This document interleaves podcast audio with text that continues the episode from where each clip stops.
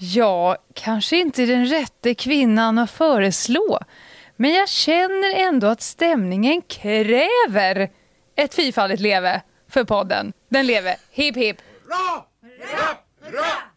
Välkomna till Över min döda kropp, Polismyndigheten.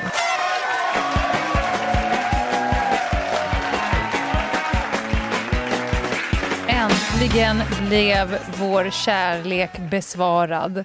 Vi har trånat och vi har längtat och vi har skrivit kärleksbrev och mm. vi har suttit och pärlat små saker och broderat såna här väggbonader.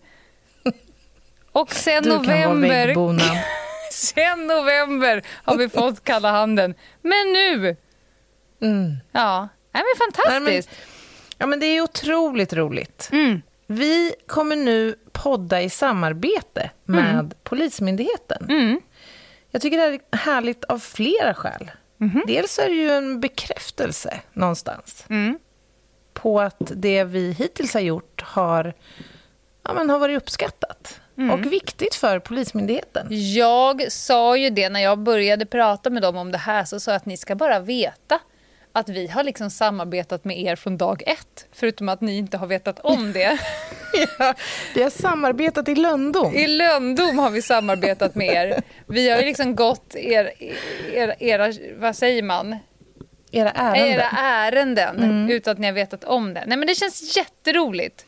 Ja, men det känns ju som den givna samarbetspartnern. Och om vi kan bidra på något endaste sätt mm. med hjälp av podden mm till att fler intresserar sig för yrket och söker skolan. Ja, ingen skulle ju bli gladare än Nej. oss. Och sen tycker jag också eh, det är härligt att de väljer just vår podd. Det finns ganska mm. många krimpoddar att välja på. Ja. Och då skulle jag vilja slå ett slag för varför. Och nu kommer du som är impregnerad i jantelagen börja svettas ymnigt mellan tuttarna, Anna. Så du kan bara ta en klunk till.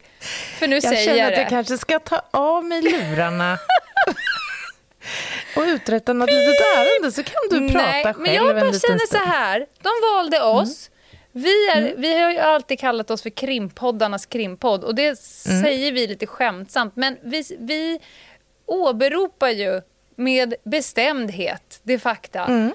att vi är kanske en av de enda krimpoddarna som drivs av personer som ägnat hela yrkeskarriären åt krim. Mm. Jag skulle nog vilja hävda att jag är kanske en av de vassare på spaning i Sverige. Mm. Och det kan jag säga av den enkla anledningen att jag har blivit liksom utplockad eh, speciellt med några andra för att göra vissa saker. Och jag har mm. också varit kurschef för spaningsutbildningarna på det som hette då Länskrim i Stockholm och så vidare. Och du mm. är ju vassaste kniven i lådan när det kommer till kriminalteknik och rättsodontologi. Då är du typ ensam i Sverige, du och en till. Ja, det finns en, alltså så här, jag är ju svårt intresserad och hyggligt kunnig när det gäller liksom olika forensiska discipliner. Mm. Jag har ju varit intresserad av den här lådan i så många år. Mm. Och då lär man sig ju saker ska, efterhand. Ska du inleda avsnittet som vi brukar då? Ja, men det gör vi. Mm. Nu, nu kör vi. Nu kör vi. Välkomna till krimpoddarnas krimpodd Över min döda kropp med mig, Anna Jinghede och Lena Ljungdahl.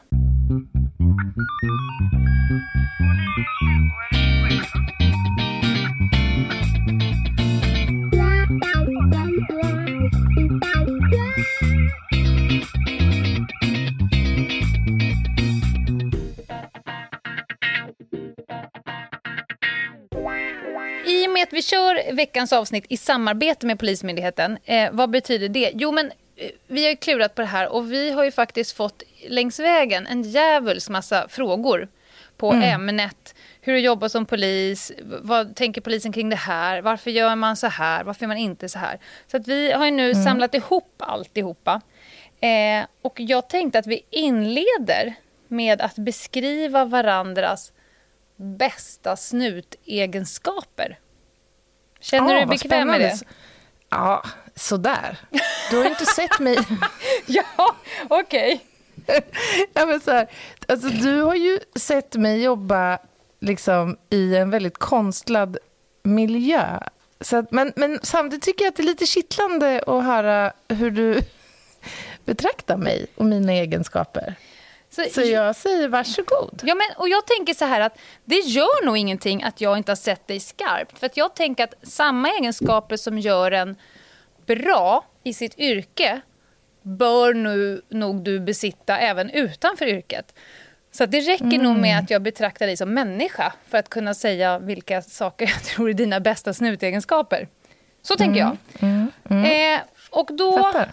har jag eh, skrivit mänsklig, noggrann och analytisk. Och då måste jag mm. erkänna att jag hade liksom kriminalforensiken framför mig när jag tänkte det.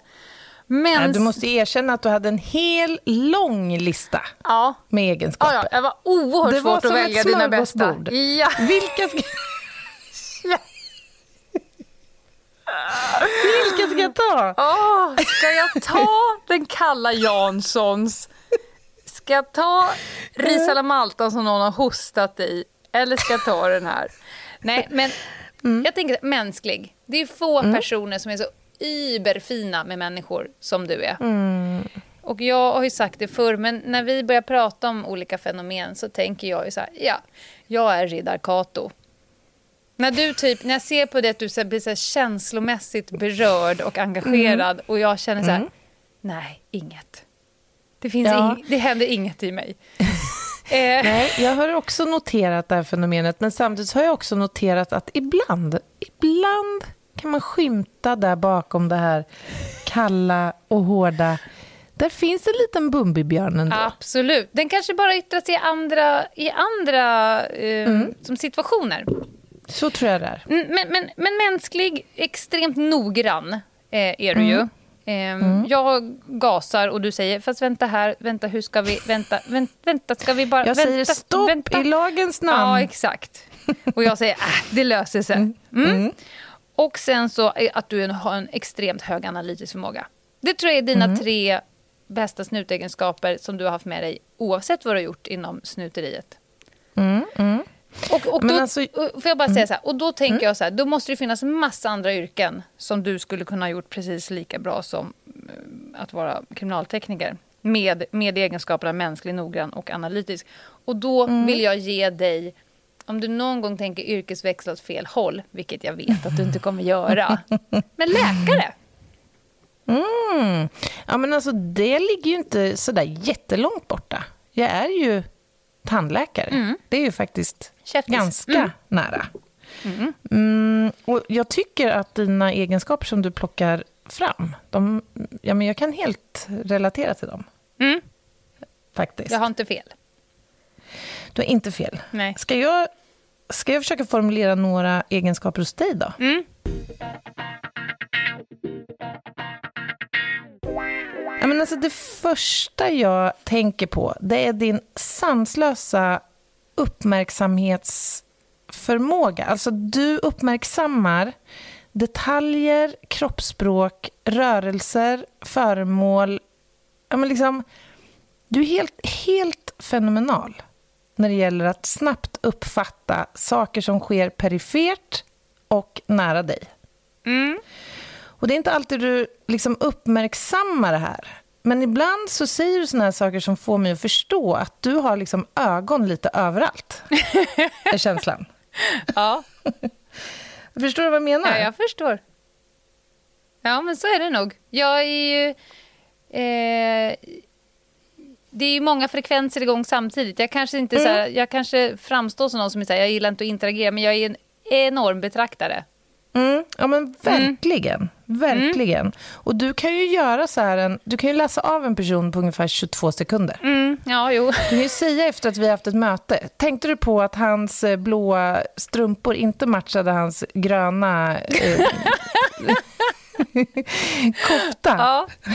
Och du bara, hade han kläder på sig? Ja, jag bara, åh, vad hade han en grön tröja på sig? Nej, men, ja. Ja. ja. ja. Och det, där, det här går lite in i faktiskt en annan egenskap som jag också tycker du har. Och det är ju det här, men det här att du kan jobba på flera liksom, nivåer och sektorer liksom, samtidigt. Så kommer vi in på din enorma multitaskingförmåga. Mm. Jag har ju sett dig, visserligen i tv-sammanhang, men hur du kan köra bil, växla, köra om, prata i telefon, prata i radio, skicka sms, ta en GPS-koordinater mm. och typ tanka samtidigt. Glöm inte att kissa då, mitt uppe i allt det här också. Ja, precis. Ja, just det. Och kissa ja. också. Nej, men så är ja, men det är ju också så här, jag kan ju knappt knyta skorna och andas samtidigt. det... Nej. Lite så. Mm. så ja. Och sen, vad har vi mer? Eh, ja, men sen har du ju så här en minneskapacitet också som är ganska fenomenal. Mm. Jag märker det ofta när vi så pratar om ett upplägg för en vecka till exempel. Så här. Och sen har vi möte på tisdag kan du säga och sen har vi det där mötet på fredag.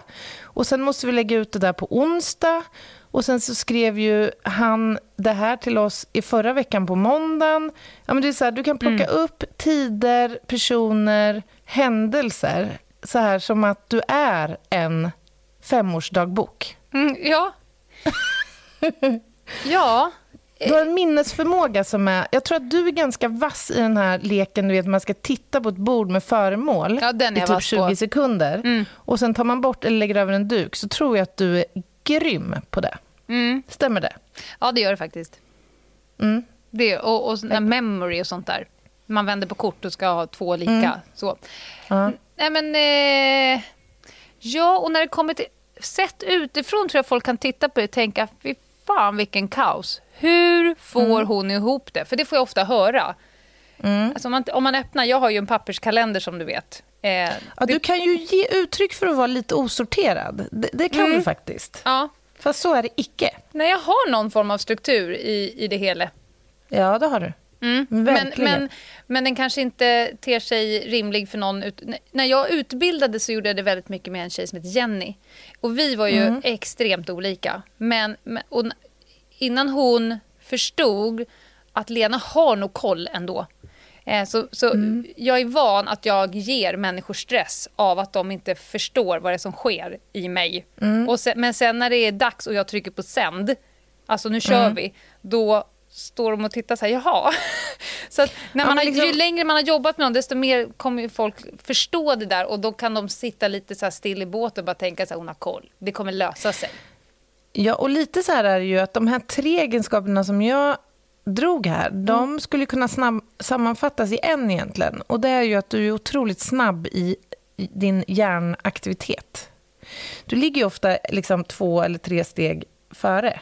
Mm. Du vet ofta liksom vad, vad som ska ske i nästa steg. Mm. Och du har ofta en plan redan mm. förberedd. Mm. Vilket några jag lever med hatar. För att, ja, jag hatar ibland. För, att för när ibland de... när jag bara...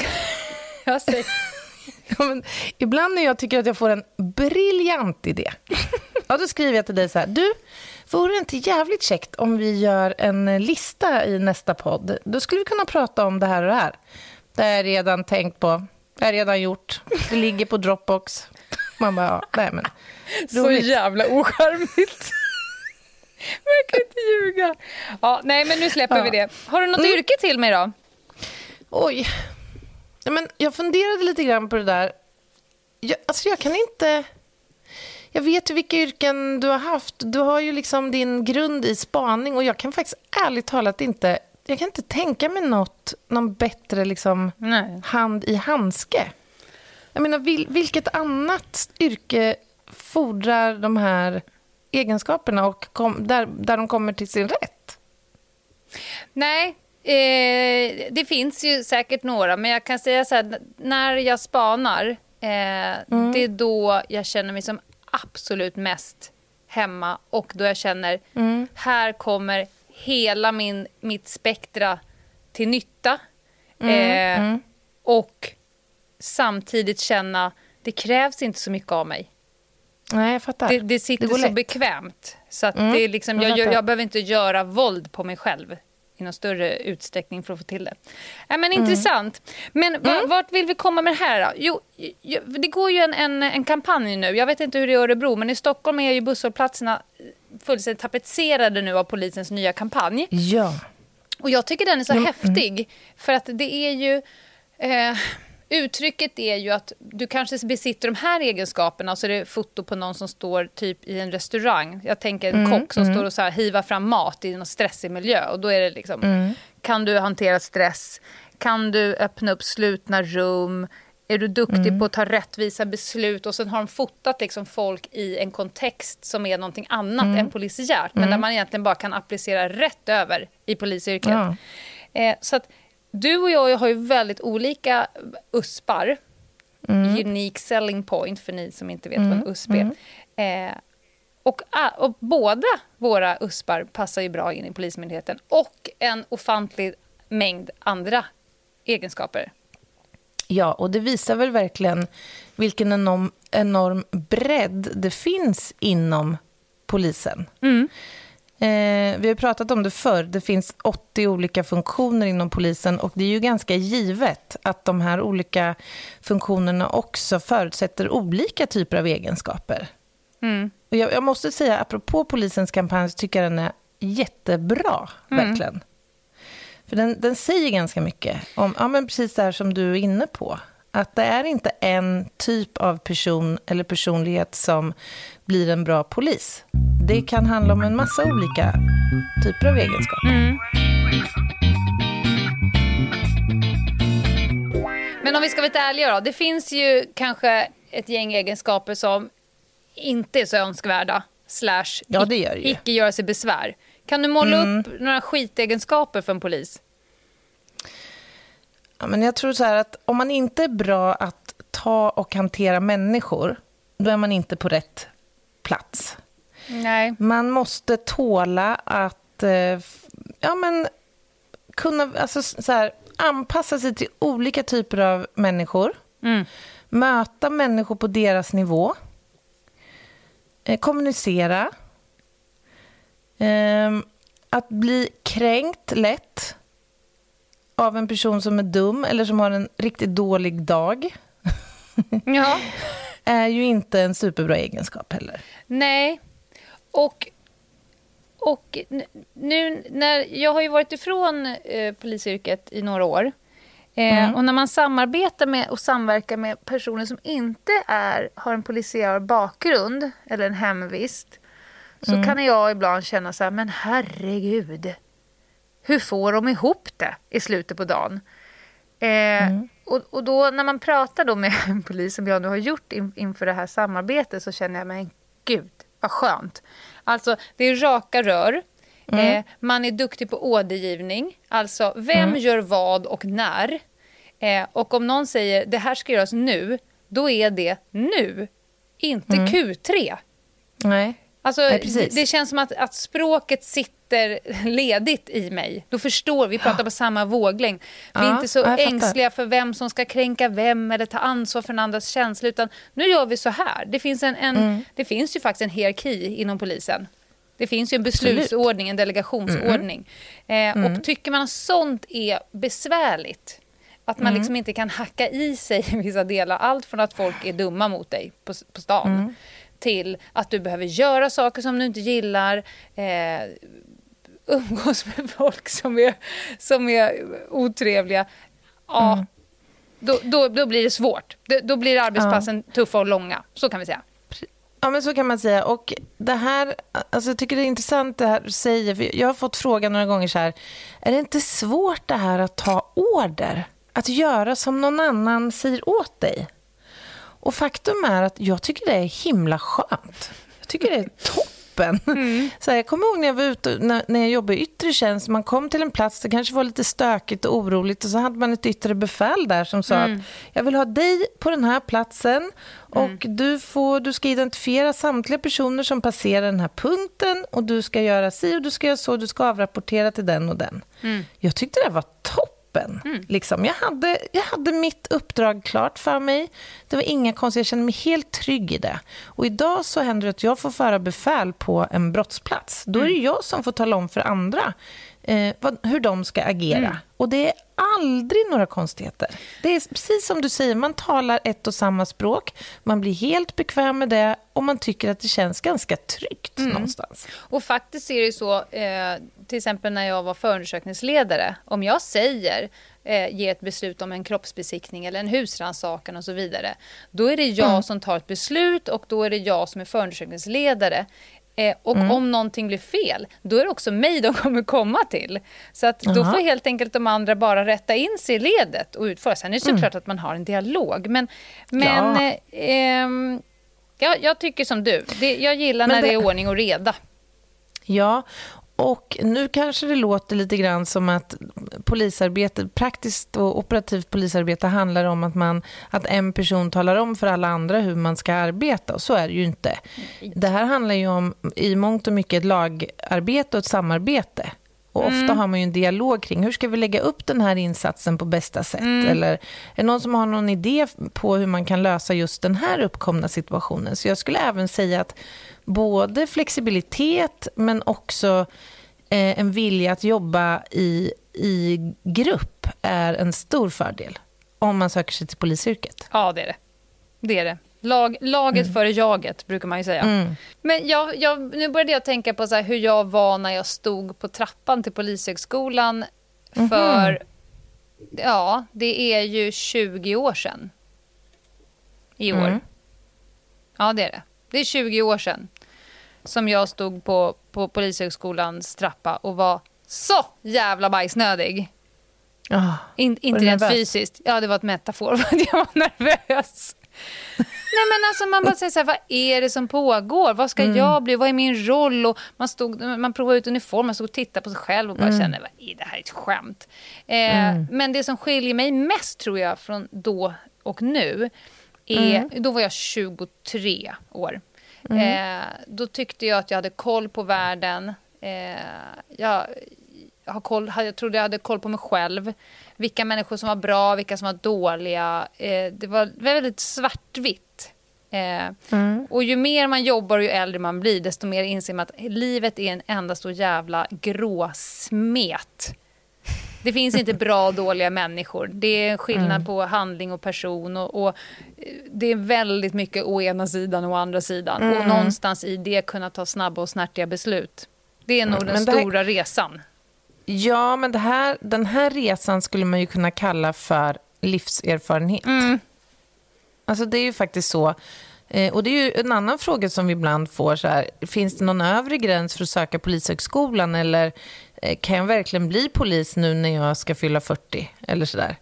Och jag skulle säga att det är många gånger en, en stor fördel. Verkligen. Att ha livserfarenhet och eh, känna sig mogen och klar med mm. mycket av det här som, som annars liksom skapar lite inre oro och turbulens hos en. Mm. Och därmed inte sagt att det inte finns många jätteduktiga unga poliser. Absolut. Men jag vill absolut hävda att det inte är en nackdel att vara lite äldre när man söker. Eller skola om sig i mogen ålder. Men är de jätteduktiga unga så kommer de bli ännu bättre när de blir äldre. Exakt. Och har jobbat lite, åkt på några tjuvsmällar. Man mm. lär sig längs vägen, ibland den hårda vägen. ja, men det gör ja. man ju. Absolut. Vad skulle du säga är det absolut roligaste då? Med, med, med polisyrket? Mm. Men alltså det är många delar skulle jag säga. Mm. Dels, alltså det jag älskar kanske mest, är, alltså jag är ju i grund och botten en ganska rastlös person. Jag blir ganska lätt uttråkad.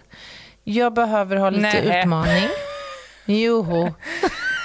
Nu känner jag att jag blev så chockad. Jag måste ta mig lite på pannan en stund. Ja, nu gick det över. Fick du feber? Ja, jag fick feber. Ja. ja. men alltså, det jag upp, alltså, en av de bitar jag uppskattar allra mest, det är ju det här att jag vet ju aldrig hur en arbetsdag kommer att se ut när jag går till jobbet. Nej. Jag vet att jag kommer att ha en bra och för det mesta ganska rolig dag. Men jag vet inte hur dagen kommer se ut. Jag gillar det där oväntade. Jag gillar variationen i ärendetyper och uppdrag.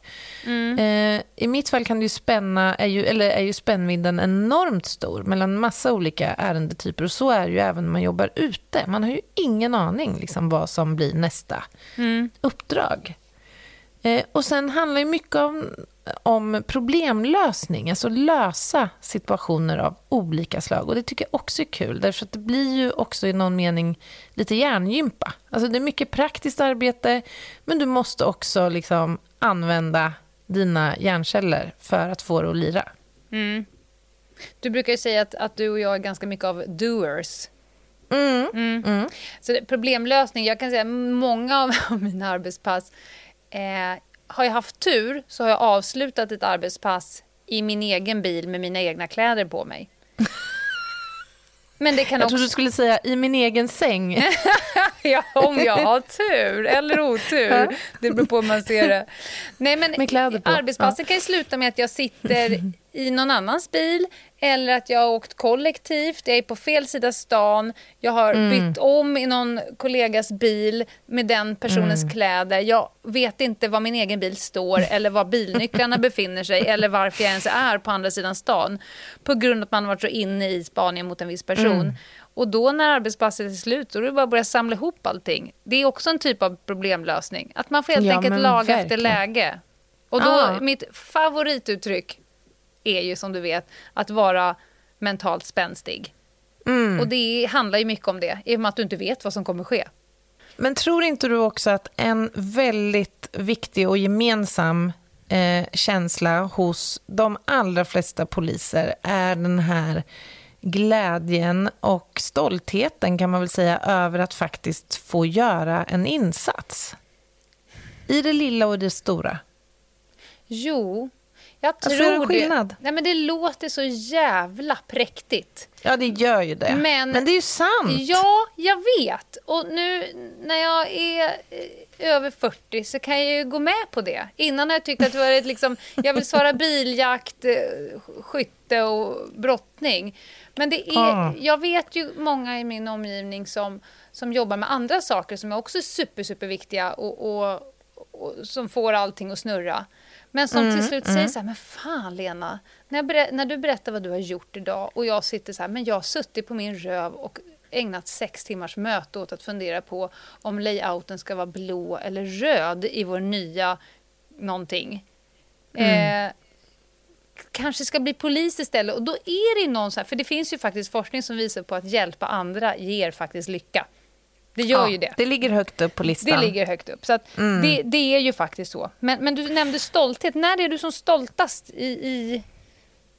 Vad är dina stoltaste ögonblick? Jag måste nog ändå säga... Ja, nej men jag tror att det är när jag har genomfört en undersökning, en platsundersökning mm. och har med hjälp av liksom en bra plan och ett bra utförande lyckats hitta spår som kan leda utredningen framåt eller kanske till och med bidra till att någon fälls eller för den delen frias mm. i ett ärende. Det är klart att då blir man ju lite extra glad att liksom just min insats faktiskt hade en, en stor betydelse i slutänden. Mm. Det är ju fantastiskt roligt, såklart. Mm. Jag, jag, jag, hör, jag hör dig säga att du blir liksom stolt över att du är proffs på ditt yrke. På det som du ska vara proffsig på. För man vill ju gärna svara såna stora svulstiga saker som att jag räddade mm. livet på den här personen. Nej, eller något sånt där. det behöver inte alls handla om det. För jag kan känna så här, mina absolut stoltaste ögonblick det är fortfarande ingen som vet om. Det kan vara att jag Nej. hade gjort små, små saker i en kedja mm. som har lett till att jag befunnit mig på en plats vid en exakt mm. rätt sekund med exakt mm. rätt utrustning och kunnat ta två sekunder film som sen leder till mm. något jättestort. Gå därifrån, klappa sig själv på axeln och sen så är det mm. bra med det. Men det är liksom finaste serumet av ja. yrkesstoltheten att där satt den fan i mig.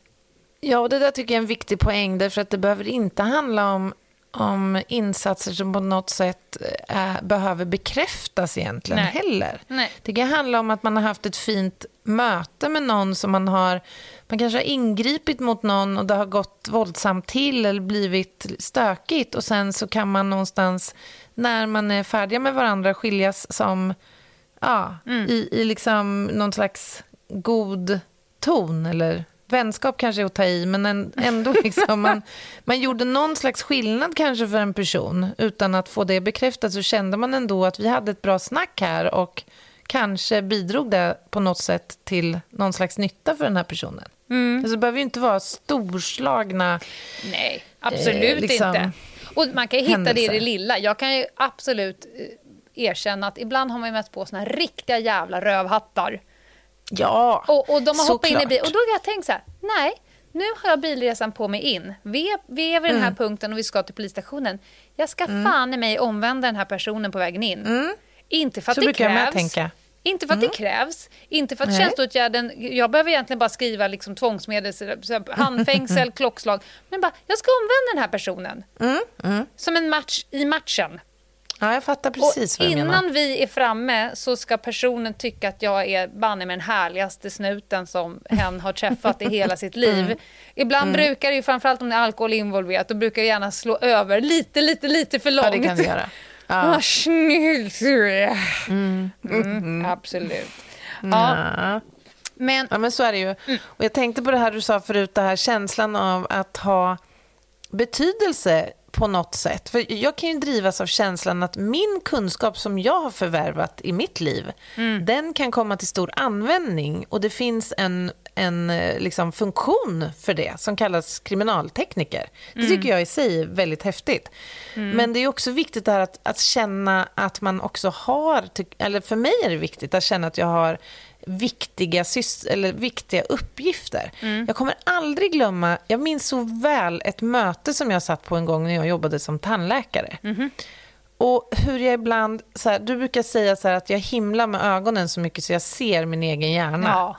Och jag vill minnas att det var så många möten som passerade med den känslan i kroppen. Och i synnerhet ett minns jag, då tror jag att vi ägnade kanske 25-30 minuter åt att diskutera vilken typ av pryl som skulle sitta på en toalettnyckel som skulle vara för patienterna och som skulle ligga i receptionen. Ja, så var det någon som tyckte att nej men, vi, kan ju inte ha trä, för då kommer det ju växa bakterier i det där. nej, men jag orkar inte. Och jag hade ju gått ut. kan vi ha. Jag hade gått ut. Och hur, och hur stor ska för, stort ska föremålet vara? Ja, men kan vi inte bara sätta liksom en till nyckelring eller något på? Nej, men det går ju inte. Den blir på, på tok för liten. Ja, men du vet, den Skjut nivån av mig. problemlösning. Ja. Nej, men alltså, det går inte. Nej, det går det funkar inte. På, jag har ju en penna som jag alltid har på alla måndagsmöten där det står “This meeting is bullshit”. För att det... Jag, jag vet inte hur många möten man har suttit på som Mm. egentligen är ett sms Ja, exakt. eller ett mejl, Ja. på sin höjd. Jaha. En mejl. Mm. Ja, men, men faktiskt, jag måste säga en sak. Det har ju kommit, eh, man har ju träffat på lite folk här i, genom åren som typ hatar polisen. Ja, det har man gjort. Det, har- det har man gjort.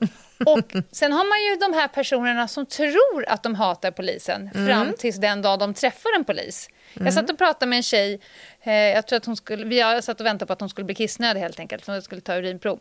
Mm. Som hade ACAB Mm. tatuerad på insidan av armen. All cops are bastards. Yes. Och jag satt bara och tittade på den där. Vi hade en supertrevlig stund och vi pratade om en det ena, en det andra. Och liksom, hon ville verkligen försöka kissa och det gick inte. Vi, jag tror att vi hade kanske fyra timmar ihop. Hon var så trevlig. Hon nästan så här, jag kände så här, gud hon vill ju bli min polare nu. Ja. Jag kände så här, jag behöver adressera den här tatueringen till slut. Va, vad står den där för, för Så dig? du bara, vad står... eh, ak, akab? A- as- Asab? ASAB, vad är det för ASAB. företag du jobbar på? ASAB? Asab? ASAB? Gör ni AC-fläktar? Här, Condition AB? Nej.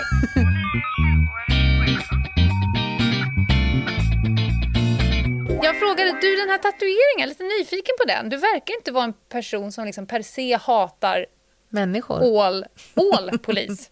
Alltså det står ju all cops. Och då tittade hon ner och så tittade hon på mig och det var som att hon bara så här, för första gången i sitt liv bara, aha. Så, du, du vet att den sitter där på riktigt. Alltså, den, du behöver lasra bort den. Och, men, men, och, och då kände jag så här, det är ungefär, jag, jag, jag likställer med att ungar måste hata skolmatsalen och maten där. Även om maten är fantastisk så, så lär man sig samma dag som man börjar skolan Ja, så det är lär man sig betingad reflex. Ja, Pavlovs hundar. Bara, Du skall säga mm. jag hatar skolmaten. Men du har ju ätit 400 rösti med lingonsylt, ungjävel. Du hatar ju inte alls matsalen eller maten där.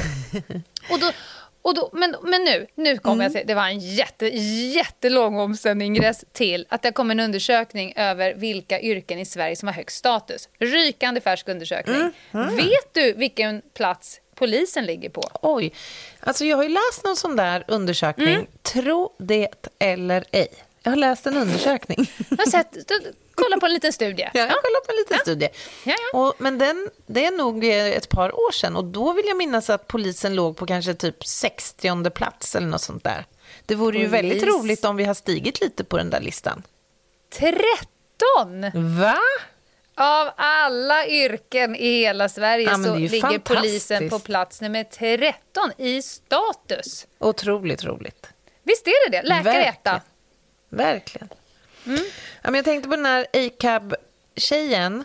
Mm. Det är ju faktiskt så att en stor del av polisens eh, liksom, verksamhet och eh, en del som man också stöter på ganska frekvent, det är ju möten med extremt vilsna själar.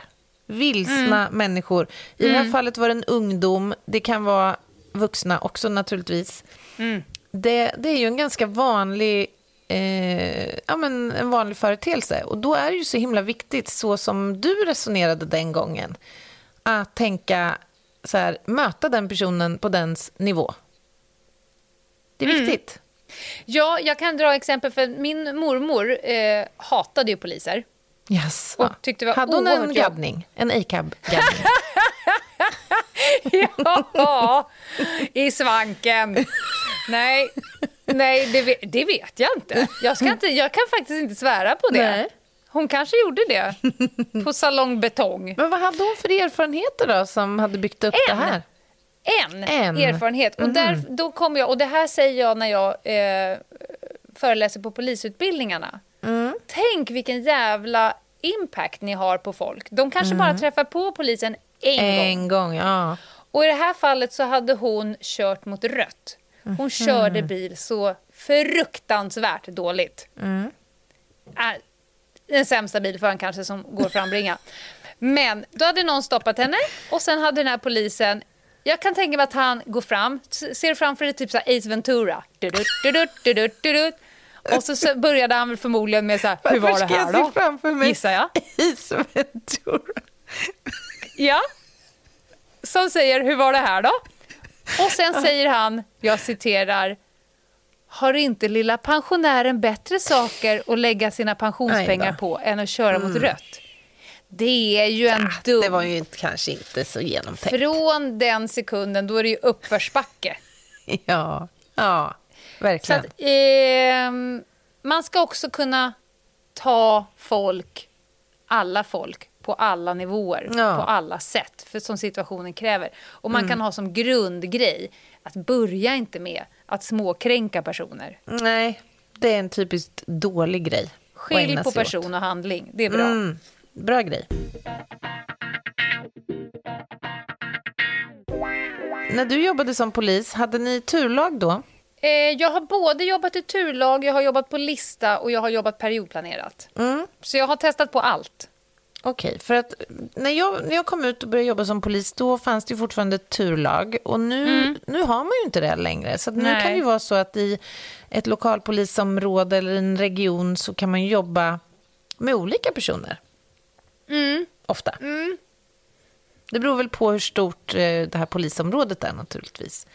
Men det är inte sån här, ja, man har inga turlags... Eh, eh, ja, men det är inte turlagsuppdelat längre, helt enkelt. Nej, och jag skrynklar ihop mitt ansikte lite grann. Eh, mm. Av den enkla anledningen att det är såklart att det kan funka utmärkt och det gör det säkert också. Nu har jag ju liksom, jag är inte där och på span så var jag inte heller där. Mm. Men, men det, det finns en vinst i att kunna den man jobbar med mm. innan och utan. Vad den har för mm. styrkor, svagheter, hur den mår. Att ha ett klimat mm. i turlaget eller i patrullen där man faktiskt kan säga att jag har en sån jävla skitdag. Jag har bråkat mm. hela natten eller jag har mensvärk, jag är ilsk som en mm. bålgeting, släpp inte ut mig idag. Och så vidare. Och det tror jag minskar med att du ja. varje dag har en ny person i bilen. Mm, så kan det vara. Sam Kanske. Mm, samtidigt så pratar man ju ofta om polisen som en yrkesgrupp som har en så kallad kåranda. Mm. Eh, och jag tror att för de flesta poliser så uppfattas det som någonting positivt. Alltså det här att man, man stöttar varandra, man tar hand om varandra och man ser om varandra på ett liksom... Ja, men det är inte ett uttalat... Det är ingen regel, Nej. så, men man gör det. Eh, och det tror jag förekommer i allra högsta grad, även om man inte längre har turlag. Sen är det ju olyckligt Absolut. att begreppet har ju fått en ganska negativ klang eh, utanför. Och i media så pratar man ibland ja. om kåranda som något väldigt negativt. Men jag, jag, jag, brukar ibland vända på det. Vad hade hänt om det inte fanns någon kåranda? Om du ska gå rätt in i striden mm. Mm. Eh, och inte veta att personen bredvid kommer typ ta en kula för dig. Exakt. Till syvende och sist. Mm. Att känna att det är vi mot världen. För att om... Mm. Jag föreläser ju en hel del om liksom terrorist och PDV-attacker och sådär. Mm.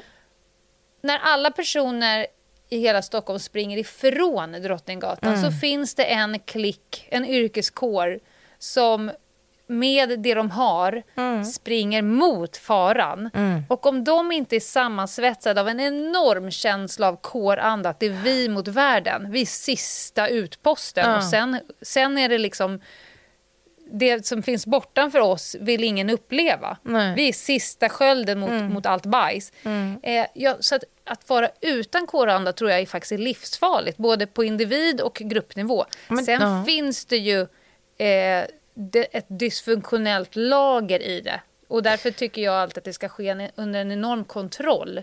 Mm. Alltså poliser skall göra rätt. Och gör man inte rätt så skall man anmälas. Och mm. det ska utredas precis som vem som helst annars.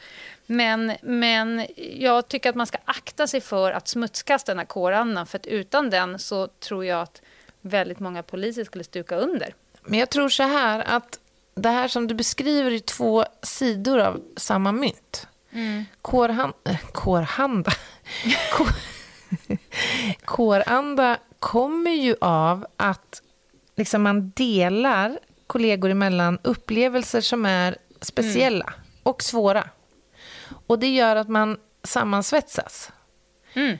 Eh, och samtidigt så kommer den känslan hjälpa dig nästa gång du hamnar i en svår och besvärlig situation.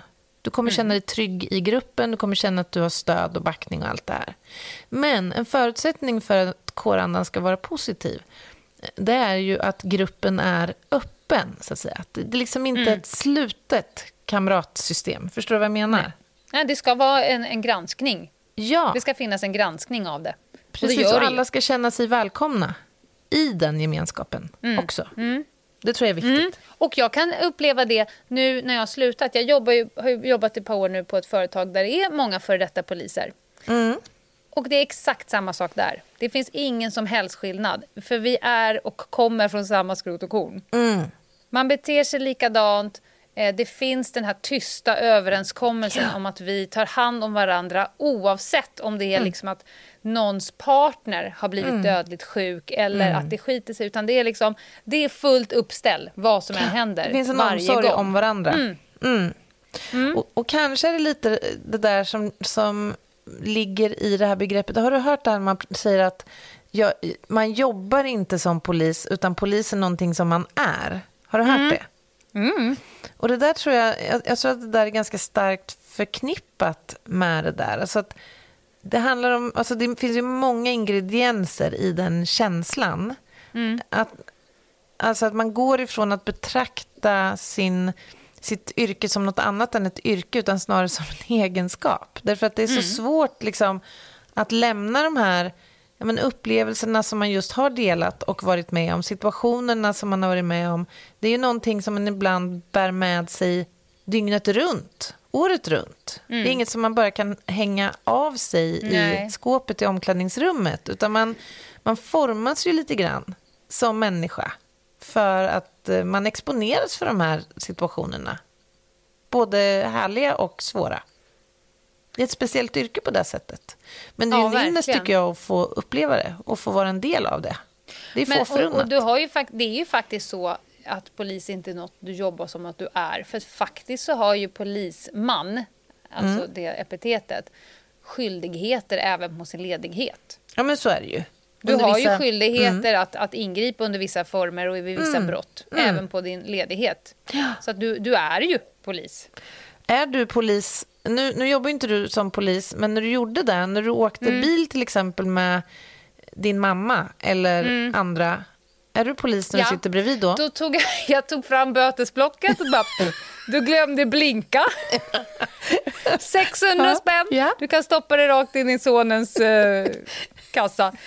Nej, jag kan säga så här att jag hade enorma skygglappar mm. av den enkla anledningen att annars så gör man ju ingenting annat än att jobba. För som polis kan du ju träda i tjänst. Om du ser mm. ett brott så kan du ju liksom träda i tjänst och börja jobba. Men ska du göra det, då kommer du inte få göra någonting annat. Att, så jag hade enorma skygglappar, ja. men inte såklart när det kommer till vissa typer av brott. Och det tycker jag är sunt. Så, Mm, för det blir bisarrt annars. Mm. Och jag tror inte att det gynnar någon faktiskt. Du måste, du måste ner och vila i det också. Eh. Absolut. Mm. Absolut.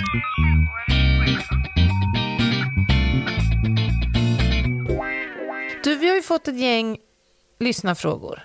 Ja. Ska vi dra av några? Det tycker jag. Vi har bland annat fått en fråga till dig, Lena, mm. som lyder så här. Har Lena behövt dansa zumba eller göra något annat för henne väldigt obekvämt för att situationer kräver det? Jag antar att man kopplar det till eh, ditt yrke som, som spanare då. Åh, gud vad roligt. eh, på A svarar jag nej. Jag har inte behövt dansa zumba. Det är väldigt få personer som smugglar stora mängder eh, narkotika. Innanför trikån. Som kör innanför sin spandex. Nej, men, men har jag fått göra saker som sitter obekvämt för mig? Absolut. Mm. Det har jag fått göra. Eh, och det säger jag på spaningsutbildningarna. När vissa eh, spanare inte riktigt kan med att göra vissa saker för att det inte sitter bekvämt för dem. Mm, att de mm. känner att de behöver ta ansvar för sin klädsel ja, eller sin gångstil eller sin liksom, appearance i största mm. allmänhet. Mm. Eh, och, och, och då säger jag så här, fast du, nu, är du, nu pratar vi tjänstutövning. Mm. Nu pratar vi professionalism. Om situationen kräver att du gör så här, mm. då är det det också du kan göra. Mm. Inte så här, men vad tycker jag privat som när du är ledig? Men det skiter jag i. Mm. Nu ska du vara proffsig. Eh, så att, och jag, det som har varit mest obekvämt för mig, det är ju sånt som inte sitter naturligt för mig. Mm. Alltså att gå runt och bara finmingla. Eh, det är ju ett vider. Mm. Ett vider är det. Yeah. Att gå runt i en stor lokal och bara säga, nej men jag måste uppehålla mig i den här lokalen fyra timmar, känner ingen människa, jag är här helt själv. Mm. Och bara gå runt liksom och bli ett med, mm. med den här stora massan. Eller sitta och liksom små ragga på någon i baren. Mm. Vider. Men har jag gjort det? Absolut. Mm. Ja. Kul ja, fråga. Intressant. Kul fråga. Mm. Gör polisen practical jokes på varandra? Åh, oh, herregud. Ja, såklart. Vi hade en, en kille i mitt turlag som kallades för Bagan. Mm -hmm. Och det smeknamnet fick han efter att han under sin aspirant hade mm. prankats. Då hade de eh, lagt upp en eh, insats, det här var ju under nattens eh, sena timmar, det var väldigt lugnt, det var inga, såklart inga andra jobb som låg och väntade. Nej. Men då fick han ett anrop, eller den radiobilen ett anrop, om att eh, det har kommit in ett tips om att det på ett visst ställe ska finnas en stor mängd narkotika. Mm. Och nu skulle de åka till den här, om det var en ruin eller hur sjutton det nu var, eller ett ödehus eller något sånt där. Nu mm. skulle de åka dit och de skulle leta narkotika. Och det här var ju då bagarens kanske andra eller tredje arbetspass på aspiranten. Så han var ju svintaggad mm. naturligtvis. Ja, visst, så de åker ut, på med pannlampor och ficklampor och allt möjligt och de är ju redo, nu ska jakten inledas här. Och hur det nu är, så i princip snubblar bagaren över typ 10 kilo förpackat mjöl. Gud vad taskigt. Men han trodde ju att han hade sprungit rätt på en, ett sånt stort parti narkotika. Nej. Som liksom på hans- gatan skulle vara värt 50 miljoner. Ja, alla hans celler dansar Macarena där inne. Och alla visste ju om det här. Och alla blev så glada och hejade på honom där. Han var ju lycklig som en tupp. Var det därefter Men han fick namnet Bagaren? mjöl. Bagaren. Vi hade en kille eh, som var liksom kungen av practical jokes. Mhm. Han, han, var han var faktiskt riktigt fin- finurlig. Eh, Mm. Och nu finns det ju alltid människor som säger så här, har inte polisen bättre saker för sig än att hålla på och leka och ska ni inte fånga Olof Palmes mördare? Ingenting av det här sker ju istället för någonting annat. Kan vi bara Nej, säga det? absolut Men i alla inte. fall, han hade ju jävlats under många år med alla. Mm. Eh, allt från när vi var på konferenser till eller men, vardagligt. Sådär. Men då skulle han få göra en, en, en prov, provtjänstgöring hos oss på span. Han kom från eh, ungdomssektionen som är lite mer så här, gatulangning, snabba grejer. Så, så, och han var så himla nervös inför det här. Det var liksom högtidligt, för det är inte så lätt att, att liksom få komma in där. Och så skulle han få låna en tjej som heter Jennys bil. Eh, och jag skrämmer upp honom som tusan i att alltså, hon är nitisk med sin bil. Så att lämna den i exakt samma skick som du tar den, för hon kommer veta om du har liksom ställt in stolen två grader fel, så kommer hon märka det. Och hon är riktigt nitisk, vilket hon såklart inte är. Men ja, ja, ja, ja. Och sen så åker vi ut eh, och sen är det väl kanske typ så här en halvtimme timme kvar till vårt liksom, ärende som vi ska jobba med eh, börjar. Så att vi har liksom lite dödtid. Men då spelar vi upp ett scenario. Alla är med på det. Allt från liksom spaningsledning till telefonavlyssning. Alla är med på det här. Tänk, Han ska ha nu. Eh, så att vi spelar upp ett långt scenario. Ja, men vi, det är ett möte i parken nere i Tanto. Ni måste dit allihopa. Så här, du parkerar bilen och spring dit. Jag genskjuter och så vidare. Så han parkerar sin bil, ränner rätt ut och liksom filmar någonting som vi har riggat där nere. Medan han gör det, så vi har ju alltid två bilnycklar till alla bilar så åker vi hit och hämtar hans bil. Ehm, och slänger ut lite glaskross på, på, på rutan där han stod. Ja. Och sen så riggar vi upp och filmar. Så när han kommer tillbaka, alltså så det där kroppsspråket, när han kommer tillbaka och bara Ja. tittar, tittar så här, ingen bil. Han är så rolig, han går och ställer sig i rutan. Som att så här, nu står Ja. jag i rutan, bilen kan inte vara här.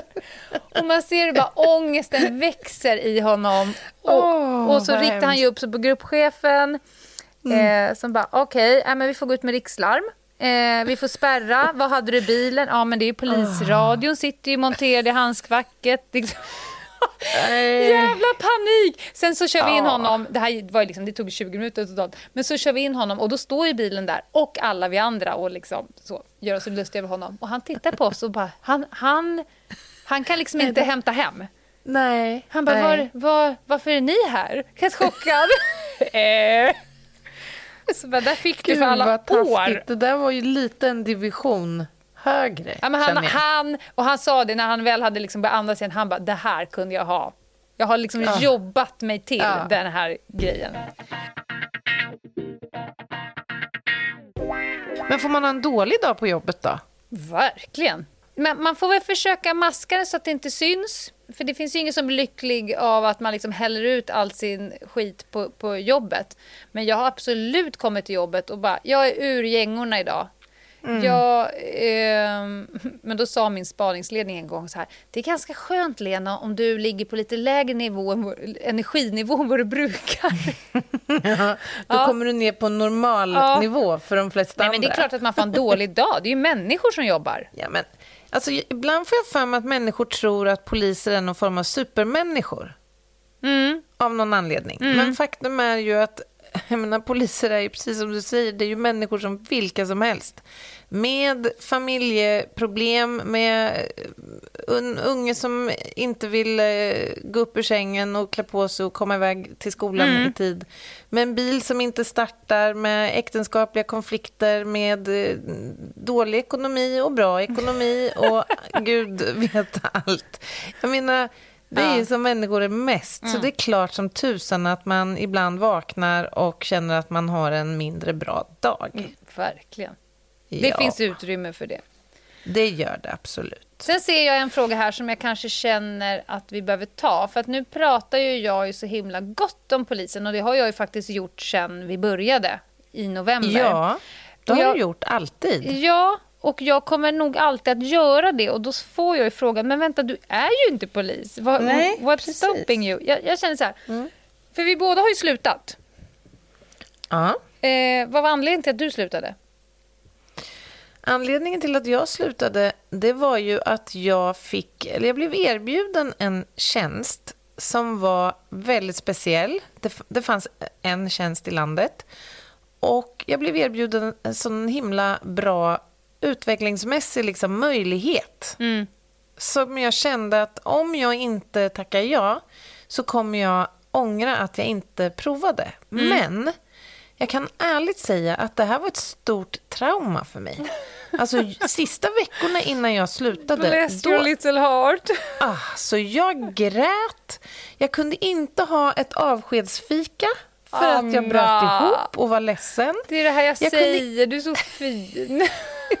Jag kunde inte tömma mina, min utrustning, så den har jag haft i smyg. Förlåt Polismyndigheten, men den har stått. Den har alltså stått i IGV-personalens utrustningsförråd i, en, i ett hörn, i väskor, packade och väntat på att jag ska komma tillbaka. Ja. Ja, men det var jättejobbigt. För att jag, det var inte att jag sökte mig bort ju, Nej. från Polismyndigheten, utan det var att jag kände att jag var tvungen att testa det här andra. Mm. Men nu är jag tillbaka. Nu är du tillbaka igen och det Och känns ju du bra. då? Vad, vad, hur var, Nej, men- gick det till när du tog det här beslutet en gång i tiden? Jag jobbade ju på en extremt så här, specialinriktad enhet som fungerade hur bra som helst. Vi hade såna Mhm. dunderärenden. Jag vet inte, vi fick ju siffror varje år på hur många liksom, års fängelsedomar som vi har skrapat Mm. ihop. Och det var ju Häftigt. grova, grova, grova, grova brott. Eh, Mm. Bra underlag och jag hade skitroligt. Jag var, eh, fick gå specialutbildningar, spaning, jag var kurschef för spaning och narkotikautbildning. Jag hade liksom riktigt roligt och som du har sagt att jag behöver bli utmanad. Jag behöver det. Och sen så kom ju den här uh, omorganisationen som så alla vet. Eh, och sen vart det allt höggs sönder. Vi skulle inte göra det som vi var ämnade att göra, det vi kunde eller det vi ville, utan man skulle göra lite av varje, bli generalister istället för specialister. Och sen kom det här liksom, men sitt still i båten. Och det är den sämsta saken man kan säga till en sån som mig. Det går ju inte. Och då var jag uttråkad, frustrerad och lite så här, vad ska jag göra då då? För vart ska jag gå annars? Jag är ju på den bästa enheten för det här äh, specifika uppdraget. Och då blev jag, eller jag hade blivit i ett par år kontaktad av ett företag som ville att jag skulle komma till dem. Och då var jag så här, men absolut, det kan jag göra. Hur kändes Men- det i polishjärtat då? Alltså, Men kände, jag- så här, Det blev, var det helt självklart i alla delar av dig Nej, att du var färdig nej, det var det inte. Däremot så kommer jag ihåg när jag skulle lä- lägga in min pistol för sista gången. Då stod det en, en, en kollega bredvid mig som sa så här, känns det inte jobbigt? Och då sa jag så Mm. här, nej vet du vad, den här pistolen har varit en fotboja för mig som spanare. Mm. Den är ju bara i vägen. Så I jag, vägen, ja. Mm. jag går inte och snuttar på den här pistolen som att det är någon, utan den är ju bara i vägen. Mm. Eh, så den var ingen, däremot så har det under alla år, och kan jag ju säga nu, eh, gjort ont i mitt spanhjärta. Alltså jag Mm. saknar ju spaningen, så in i bängen. Ja. Sen har jag haft spaningsuppdrag och gjort saker som har, jag har utmanats, jag har gått massa med härliga utbildningar, jag har gjort Mm. saker som jag aldrig trodde att jag skulle kunna. Eh, Jag har verkligen fått testa mina vingar. Eh, Men jag har inte stängt någon dörr till Polismyndigheten. Eh, Och det någon gång, men då vill det till så att jag hittar en roll som är tillräckligt utmanande, som känns rätt för mig, där jag får liksom göra det jag kan och vill. Och faktiskt, Anna, du och jag har ju så fruktansvärt många sidoprojekt så att det måste finnas utrymme för en liten podd och en liten bok och en liten och så vidare och så vidare och så vidare. Men, men alltså polishjärtat kommer aldrig försvinna från mig. Det kan jag säga. Och vet du, Lena, jag har många gånger tänkt när du och jag har suttit och pratat om eh, ja, men vårt polisiära yrkesliv, Mm. att Lena kommer. Tror du det? Hon kommer arbeta som polis igen. Därför att jag ser i dig när du pratar om det. Mm. Och jag ser när vi har lekt polis i Tjuv och polis att det är någonting som händer i dig. Alltså det finns Ja. en stolthet och det finns ett driv i dig. Jo, men det som gör ju att det. du ja, Men det, det är det, har väldigt inte uppenbart. varit, det har inte varit så obekvämt för mig för att jag kan säga att jag har jobbat så extremt polisiärt de sista fyra åren. Jag har gjort exakt Mm. Ja. samma sak kan man nästan säga. Eh, bara, eh, och, och folk tror ju att det är liksom ett konkurrerande verksamhet. Alla Mm. säkerhetsbolag, men det är ju en ren kompletterande Det är verksamhet. tvärtom Och skulle jag säga. jösses vad man samarbetar med polisen. Eh, hela den här terror och, PDV och sånt där. Så att, ja, men vi får se. Ja, och faktum är att många som lämnar polisen av en eller annan anledning kommer ju tillbaka. Mm, det är många som Det går är tillbaka faktiskt nu. så. Ja, verkligen. Och ju, Kul det är ju bra för Polismyndigheten. Mm. Nya i all ära, de ska in. Men tänk att få tillbaka en person som har jobbat i 15-20 år med all den erfarenheten. Det tar lite tid Mm. Guld innan de värt. nya är, är där. Verkligen. Ja, ja, men då fick jag det sagt. Det var ju skönt. Ja, jag har härligt. gjort en veckans lista. Åh, vad kul. Den är ganska snabb och snärtig. Du ska få beskriva Mm, kör. dina snutfavoriter för mig. Mhm. Jag har fyra olika... för snutfavoriter? Ja, jag har fyra olika kategorier. Mhm. Din favoritsnutpryl? Veckans lista. Nej, men om jag måste säga en pryl, då säger jag, då säger jag kameran. Var det tråkigt? Nej, jag tänkte säga Nej. samma. Men vad, vad, Ja. du menar en, en stillbildskamera? Ja. Ja. Mm. Jag är ju väldigt beroende av den i mitt jobb. Skulle jag inte ha kameran, då skulle det bli väldigt svårt Mm. att genomföra mitt jobb. Jag säger eh, en liten handhållen eh, dold videokamera. Mm. Coolt. Okej, nästa. Din favoritpersedel? Oj, det var lätt. Jaså, var det? ja, herregud. Det är ju givet. Nej men Det blir ju sluta! ut, utrustningsvästen. Sånt jävla GB-svar. Har du en kviltad sån här? äh? Nej, men tänk om jag skulle få det. Jag lovar att jag skulle bära den. Jag ska Med sy en. stolthet. Ja. Vilken jag vill färg vill du ha en jaktgrön. Går det? Med lite tweed på axlarna. Med tweed på axlarna och fickor för diverse... Jag har, svårt att, ja, jag har svårt att svara på den här i och med att jag inte jobbar med persedlar som Kom spanare. igen, lösnäsa måste det ju ändå vara. Ja, absolut. Jag tar lösnäsan. Nej, men jag ska, om jag ska välja en pryl som jag oftast, oftast använder i spaningen. Mm. Läppstift. Ja, men vad fan. För sig, jag brukar bli tråkad ibland av mina kollegor. De brukar säga så här, du borde ju ha något hölster för läppglans. Ja, varför inte av alla jävla Ja. hölster man har. Ja. Det är så sjukt avväpnande att glida in i en situation med knallröda läppar och lite, lite, lite för lättklädd. Så väldigt avväpnande för personer som letar efter polis.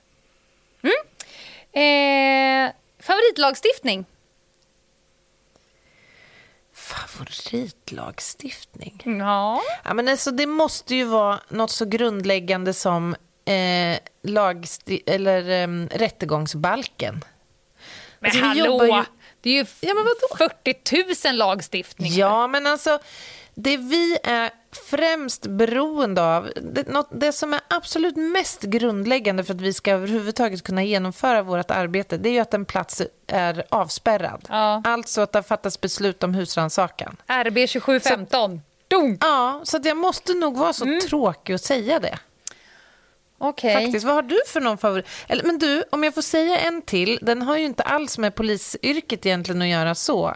Men jag måste ju säga, mina favoriters favoriter, det är Mm. ju såklart eh, barnkonventionen. Nu ska ju den implementeras i all lagstiftning Ja. i Sverige. Eller all relevant lagstiftning. Så Alltså, du säger det är ju så såklart fina den som ligger mig saker. varmast om hjärtat. Jag framstår ju som en douchebag när du säger så här, jag tänker barnkonventionen. Då kan inte jag säga så här, jag gillar lagstiftningen som säger att jag får köra för fort. Det, blir, det går ju inte då. Jag tar inte den. Jag säger... Jo, det får du väl? Ehm, nej, men jag gillar ju också tvångsmedel. Om vi pratar eh, spaning... Men jag, då säger jag de hemliga tvångsmedlen. Det är min favorit. Uh. De har jag jobbat mm. som mest med. Mm. Uh. Och sen Nej, kommer förstår. sista. Mm. Favorittjänståtgärd. Ja, men alltså, det måste ju bli brottsplatsundersökning, såklart. Starten liksom. Ja. Mm. Ja. Det är för lätt. Den här listan är för lätt, Lena. Du kan vara lista. Du kan vara lätt. Vilken är din favorittjänståtgärd då? Smyga omkring i buskarna.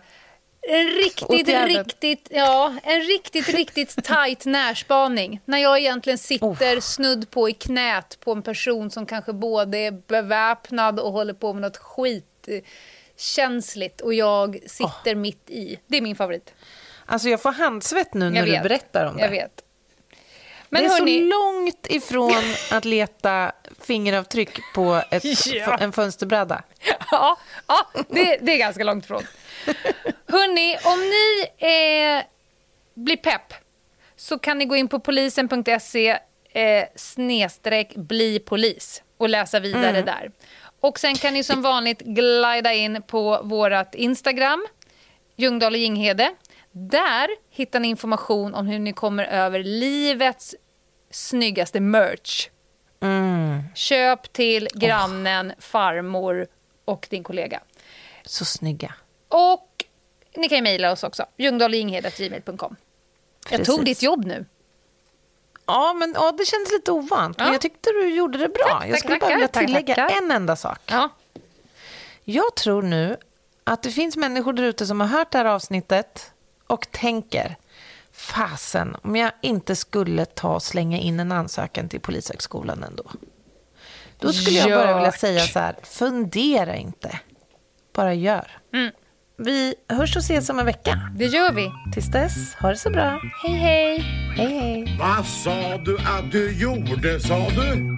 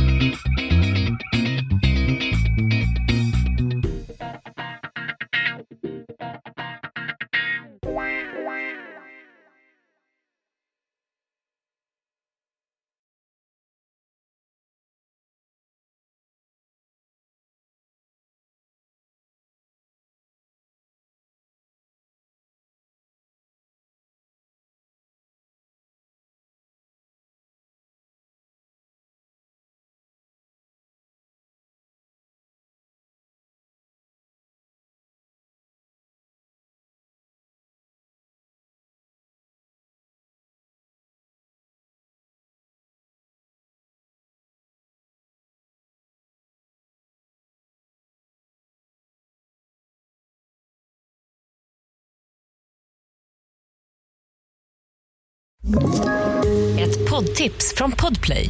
I fallen jag aldrig glömmer djupdyker Hasse Aro i arbetet bakom några av Sveriges mest uppseendeväckande brottsutredningar.